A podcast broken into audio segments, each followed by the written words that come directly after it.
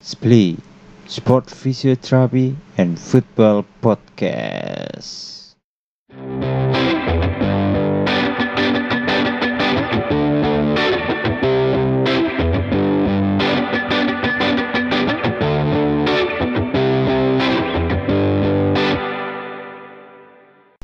Hello, I'm back bersama saya Justin Fernando dalam Splay Podcast.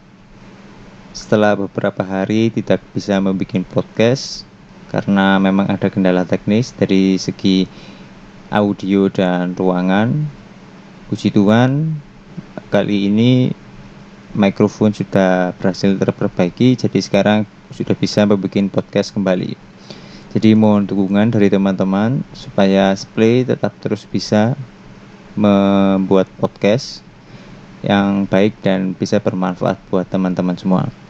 Pada episode kali ini, uh, Splay akan membahas sedikit budaya di bidang kesehatan yang sudah lama. Budaya apa itu? Yaitu pijat memijat. Jadi pijat memijat ini merupakan suatu hal yang sudah sangat membudaya di Indonesia. Tapi dari sisi medis, apakah baik jika pijat dilakukan pada bagian yang cedera? Nah, hal ini yang akan kita bahas lebih lanjut. Oke, terus disimak ya.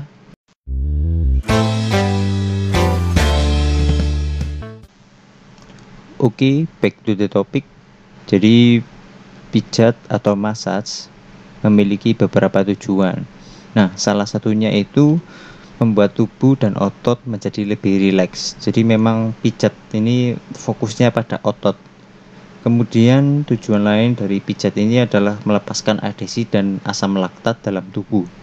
Jadi adesi dan asam laktat inilah yang membuat tubuh kita terasa capek setelah melakukan aktivitas ataupun setelah berolahraga. Jadi misalnya setelah teman-teman duduk lama di kantor, punggung rasanya pasti capek kan. Nah, ini jika dipijat pasti rasanya enak dan mantep pol. Lalu kemudian contoh lain misalnya kaki ini. Nah, kaki setelah melakukan jalan jauh mungkin ya diberikan massage atau pijat pada bagian betis.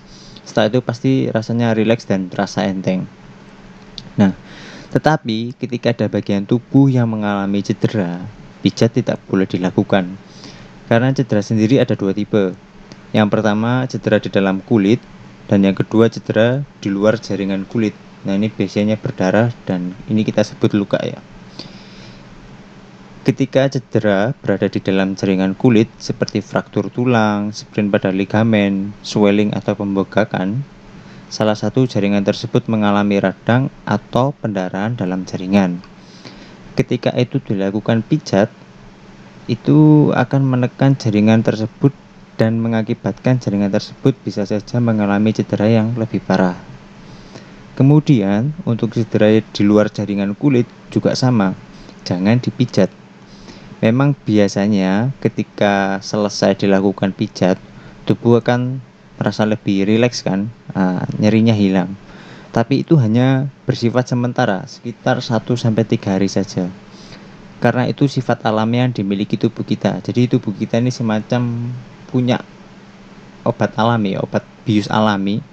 Nah itu memang bisa menahan rasa nyeri untuk sementara waktu tetapi kita juga harus melihat efek jangka panjangnya dari pijat ini contoh ketika tubuh kita habis jatuh nih dan ada tulang yang retak terus dilakukan pijat bisa jadi efek panjangnya tulang ini mengalami deformitas atau deformitas ini tulang ini nggak kembali ke sesuai kondisi semula atau kondisi yang normal. Nah ini kan jadi sesuatu yang merugikan juga kan buat kita.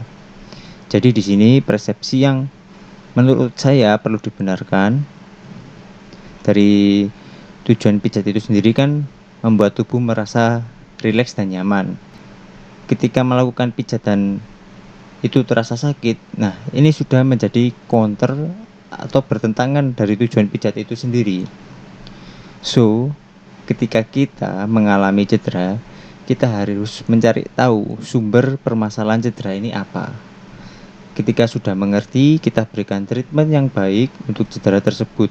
Contoh kecil, ketika cedera bengkak, swelling tadi ya, karena benturan atau jatuh, diberikan saja icing kompres selama 20 menit tiga kali sehari. Nah, ini harus dilakukan secara konsisten 1 sampai 3 hari. Sistem terapi dingin seperti ini bertujuan untuk mengurangi radang dan mencegah terjadinya penyebaran radang.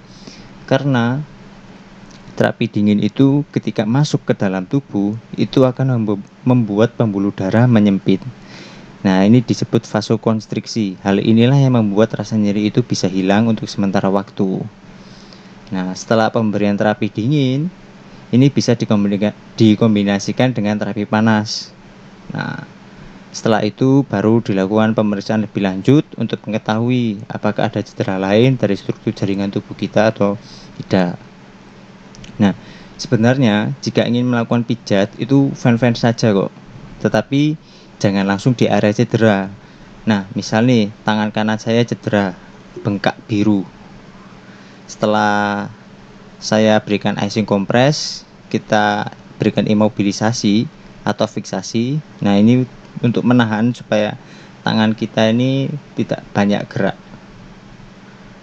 Setelah setelah itu pijat bisa di pada area yang berlawanan pada titik cedera tadi, titik nyerinya tadi. Jadi misal di tangan ini ya, lengan bawah ini. Nah, pijat bisa diberikan di area lengan atas atau yang berada jauh dari titik cedera itu tadi. Jadi untuk teman perhatikan baik-baik cedera apa yang teman-teman alami. Lebih baik periksakan kepada orang yang mengerti permasalahan tersebut, entah itu dokter, fisioterapis, atau tenaga kesehatan yang lain. Karena ada mitos, semakin keras pijatannya, semakin baik tukang pijatnya. Nah, tak ulang ya. Semakin kerasa pijatannya, semakin baik tukang pijatnya. Padahal itu sangat bertentangan dengan tubuh kita. So, semoga ini bisa membantu. Mari kita menginvestasikan hal-hal yang baik kepada tubuh kita. Oke, sekian dulu episode kali ini.